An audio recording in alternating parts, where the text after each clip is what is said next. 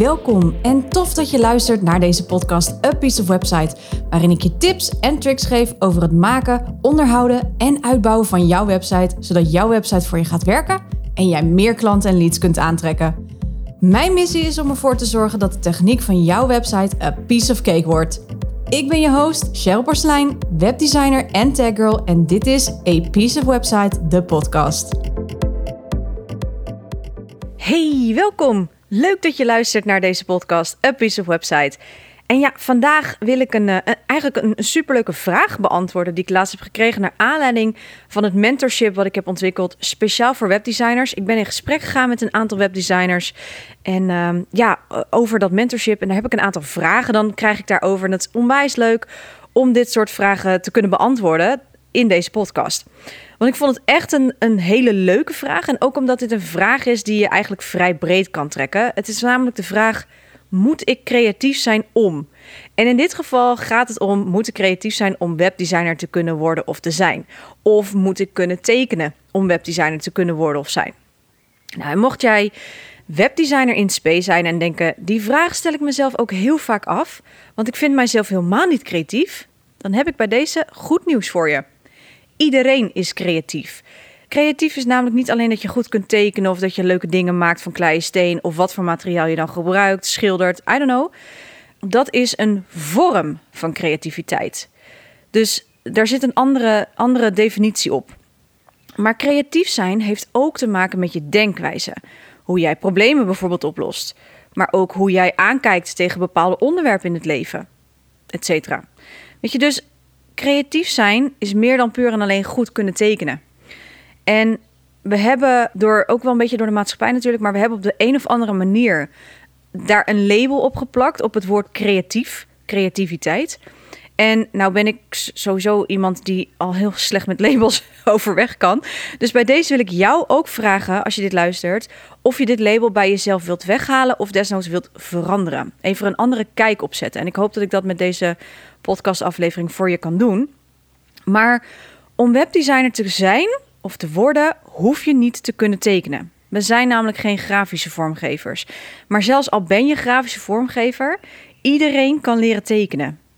Want tekenen, heel plat geslagen, is eigenlijk het aanleren van bepaalde technieken en dat toepassen in je werk. Dus een voorbeeld, denk aan dat je een schaduw wilt creëren bijvoorbeeld, hè, omdat je uh, een lichtinval hebt, bepaalde lichtinval hebt bijvoorbeeld. Dan is het zaak dat je je potlood op een bepaalde manier vasthoudt hè, en die schaduw daarmee creëert. Dus het is een techniek die je kunt leren en, het, en je kunt daar heel, op een hele mathematic manier, dus een hele logische manier naar kijken. Maar voor ons webdesigners is dat niet nodig. Wij hoeven geen fancy schaduwen te kunnen maken. We hoeven geen rekening te houden met lichtinval.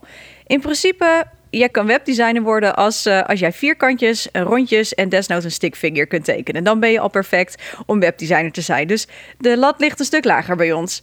Maar er zijn een aantal dingen natuurlijk binnen webdesign wat maakt dat we niet hoeven te leren tekenen. En dat is één, het kost veel te veel tijd om een ontwerp handmatig tot in de detail uit te tekenen. Dat doen we echt puur en alleen in digitale vorm. Uh, niet in dus uh, handgetekende of op papier. En we gebruiken daar vaak voor, of ik in ieder geval, Photoshop, Figma. En je hebt tegenwoordig ook Webflow. En twee, het heeft dus geen klapnut om alles uit te tekenen met de hand. Want het gaat bij een website veel meer om de logica, om de opbouw. En daar zitten bepaalde regels aan, hè, om ze even zo te noemen, die uit de psychologie komen. Hè, dus hoe gaan we om met bepaalde dingen? En die gebruiken we omdat het patronen zijn geworden. En dan hebben we ze weer, de designpatronen. En dat maakt dat je eigenlijk op een vrij simpele manier een website kunt ontwerpen. Wat we wel veel gebruiken als webdesigners, of wat ik natuurlijk heel erg uh, veel heb gedaan en soms nog doe, is het maken van een wireframe.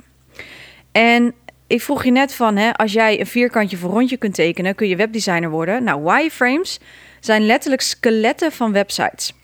En wat we daar gebruiken is, we, we met vierkantjes, rechthoeken, rondjes bepalen we waar wat komt. Denk aan wat, wij, wat ik heel vaak gebruik, is een vierkant met een kruis erin. Dat staat voor foto. Dus dan weet ik, oké, daar moet een foto komen. Uh, het logo bovenin is een rechthoek met, uh, met, met een kruisje erin. Teksten zijn gewoon letterlijk strepen. Ik maak een koptekst, dus waar een kop moet komen, maak ik dikker dan de gewone tekst. Dus het zijn gewoon streepjes wat er staat. We maken dus geen elegante tekeningen. We maken skeletjes. En dat doen we met vierkantjes, met kruisjes, met rechthoekjes, met wat je dan ook wil op dat moment. En we gebruiken die wireframes dus echt puur om indelingen te bepalen van de website. Dus waar komt wat te staan? Waarom komt dat daar te staan? En dat wordt allemaal gebaseerd op basis van het doel, van een strategie die jij je website geeft.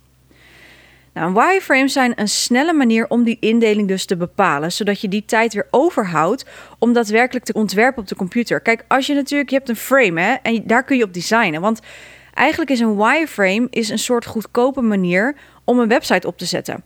Je kunt daar namelijk nog heel gemakkelijk nog aanpassingen in doen, zonder dat in detail te trainen of zonder dat je ineens heel, helemaal alles moet omgooien. Je kunt bewijzen van vierkantjes knippen en rechthoekjes en dat op een papier in elkaar gaan schuiven. Dat is een hele goedkope manier, dat heb ik ook geleerd op school. Een hele goedkope manier om een website goed op te zetten. En daarna gaan we pas in detail treden. En ook dan nog niet helemaal. Maar in, in meer detail treden op de digitale vlakken. Maar daarvoor maken we dus al een wireframe, zodat het proces minder lang duurt. Want ja, hoe meer details, hoe langer dat proces ook duurt. En daarom is dus die wireframe heel erg handig. En um, nou ja, daar hoef je dus hoef je dus niet voor te kunnen tekenen, zolang je maar vierkantjes kunt, eh, kunt maken. Daarna, hè, wat ik net zei met die, met die uh, ontwerpen, digitale ontwerpen, daar komt wel iets meer bij kijken bij het ontwerpen van een website. Maar ook hier geldt, hoe label jij creatief? Kijk, uh, waar grafische vormgevers natuurlijk hele mooie plaatjes kunnen maken en natuurlijk veel meer op print gericht zijn. Want laten we wel zijn, grafische vormgevers zijn gespecialiseerd in print. Het zijn dus geen webdesigners. Want webdesign is uh, gespecialiseerd op scherm. Dat zijn hele andere regels van elkaar. En het belangrijkste bij een website is de gebruiksvriendelijkheid, de strategie, etc. En tuurlijk, weet je, je website moet er ook gewoon wel mooi uitzien, maar ook dat kun je leren. Je kunt namelijk leren welk lettertype wel en niet goed werkt. Je kunt leren wat voor kleuren, welke kleur wat betekent en hoe je die kunt combineren. Je kunt leren hoe je keuzes moet maken om uh, ervoor te kiezen om bijvoorbeeld een hoek wel of niet af te ronden in plaats van hem scherp te houden. Dat zijn hele kleine dingetjes. Maar dat kun je wel leren. En het gaat uiteraard iets gemakkelijker als je meer feeling hebt voor uh, dit soort dingen. Weet je, um, dat is net als interieurstylisten, die hebben een bepaalde feeling. Ook zij leren bepaalde kleuren en technieken. Maar de, de, je ziet wel vaak dat als je feeling hebt voor bepaalde delen van het vak, dat, je, dat het daardoor iets makkelijker wordt. Maar je kunt het dus gewoon heel praktisch oppakken als jij zegt van ja, maar ik vind mezelf niet creatief. Maar dat hoeft dus niet op die manier creatief te zijn. Je kan het dus gewoon leren. Er zijn namelijk letterlijk handleidingen over user interface design. Dus over uh, uh, um, gebruikersinterface. Dus uh, nou noem het allemaal op. Hè. Dus waarom bepaalde knoppen er zo uit moeten zien bijvoorbeeld. Of waarom er filters op die manier eruit moeten zien. Alles is eigenlijk al voor je gedaan. Waar het bij jou als webdesigner op aankomt, is de strategie. Vooral de strategie. Hoe koppel je die elementen? Zorg je ervoor dat het logisch staat, dat het gebruiksvriendelijk is en dat het een beetje lekker smolt. En dat maakt natuurlijk een enorme verschil tussen grafische vormgevers en webdesigners. En de creativiteit zit hem er dan vooral in in de logica van de website. Het bedenken hoe de ideale klant de website kan doorlopen. Welke fases zijn er? Waar zitten zij? Welke koppelingen zijn er nodig? Welke oplossingen je gaat bedenken voor bepaalde misschien ingewikkeldere functionaliteiten. En dat, dat kun je trainen. Ik heb namelijk acht jaar gestudeerd. Ik heb vier jaar MBO gedaan, interactief vormgeven, en vier jaar HBO, communicatie multimedia design. En vervolgens werk ik nu zes jaar fulltime als webdesigner. En dit bedrijf heb ik dus nu elf jaar. Dus ik heb elf jaar lang training gehad. Dus als ik ook kijk naar de websites die ik elf jaar geleden maakte en nu, damn, wat een verschil. Ik heb mijzelf getraind, ik heb geoefend, ik heb ervaring opgedaan, ik heb geprobeerd, geëxperimenteerd, getest, noem het maar op. Om te komen waar ik nu ben. En zelfs nu, na elf jaar, ben ik nog lang niet uitgeleerd. Bij elke website wordt mijn werk steeds beter. En dat zal ook voor altijd zo blijven zolang ik dit vak uitoefen. En dat is het mooie van het vak, vind ik. Je groeit, je leert en je kan ook niet iets perfect doen. Dat kan gewoon niet. Nog steeds de websites die ik als ontwerp aanlever, hè, dus als digitaal ontwerp aanlever, er zit altijd feedback op. Er is geen dag voorbij gegaan waarop ik geen feedback heb ontvangen. Dat hoort erbij en dat is ook alleen maar goed, hè? Er is iets anders. Dus er is natuurlijk een heel groot verschil tussen feedback en gewoon iemand die uh, uh, een smaakverschil heeft of kritische opmerkingen heeft. Maar feedback is mega waardevol. En waar ik bij mijn eerste websites, tien jaar geleden, elf jaar geleden, meerdere keren feedback kreeg, omdat ik gewoon echt nog het proces moest leren, krijg ik dat soms nu maar één keer. Dus ik maak een ontwerp op basis van die informatie die ik krijg.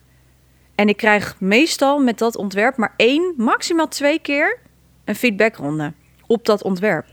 Maar ik krijg wel altijd feedback. Omdat ik als webdesigner aannames moet doen op basis van de informatie die ik krijg. Maar mijn klant kent zijn of haar ideale klant als geen ander. Maar mijn klant kent ook zijn of haar bedrijf als geen ander. En dus zullen er altijd dingen moeten worden aangepast, omdat ze door middel van dat beeld wat ik ze aanlever, ze letterlijk kunnen zien of er nog iets mist of dat er iets anders moet. Hè? Want je hebt heel vaak dat ik stuur natuurlijk vragenlijsten vooraf. En het, het kan zomaar zijn dat ze een vraag nou, misschien anders hebben ingevuld op dat moment, als dat ze misschien liever hadden willen beantwoorden. Of dat ze hem anders hebben geïnterpreteerd dan dat ik misschien had verwacht. En dat blijkt dan in het design. Uh, moeten daarvoor dingen aangepast worden? Omdat met beeld, heel veel mensen denken ook in beeld, heel veel mensen vinden het fijn om visueel dingen te zien. Dan pas komt het naar boven, zeg maar, dat er misschien dingetjes anders moeten. Of dat ze zoiets hebben van, oh, maar bedoelde je dat daarmee? Nou, dan zou ik het zo en zo liever graag willen zien. Dat is helemaal oké. Dus er zullen altijd dingen worden, moeten worden aangepast, omdat ze door middel dus van dit beeld dus kunnen zien of wat er is of wat er niet is. Dus ja, moet je creatief zijn of kunnen tekenen als webdesigner? Tekenen sowieso nee. Vierkantjes, rondjes, dat kan iedereen. Creatief? Ja, ik zou zeggen, hang daar een andere definitie aan. Ga kijken vooral naar je proces, naar hoe je ergens naar kijkt, naar hoe jij dingen oplost. Je bent namelijk al creatief. Je moet het alleen nog even doorhebben. Alright? Ik wilde deze podcast sowieso wat korter houden. Dus mocht, maar mocht je nou zoiets hebben van: hey, ik ben webdesigner of ik wil graag webdesigner worden of iets in die richting. En ik wil hier heel graag van jou meer over leren. Dan is mijn mentorship traject heel geschikt voor jou. Check gerust dan www.cprecision.nl slash mentorship. De link staat in de show notes, dus daar kun je gewoon op klikken. En ik heb daar een, een download, uh, een gratis brochure voor je klaarstaan. Dus dan kun je gewoon alle ins en outs rustig op je eigen tijd lezen over uh, hoe ik zeg maar dit traject uh, voor webdesigners um, ja, ga, ga doen, hoe ga inzetten. Voor nu hoop ik vooral dat je geïnspireerd bent en gemotiveerd bent als, we, als jij webdesigner wilt worden of je bent al bezig. Maar jij kunt dit dus gewoon starten of doorzetten zonder dat je hoeft te kunnen tekenen. Alright, ik wens je een hele fijne dag en uh, nou ja, tot de volgende aflevering. Doeg!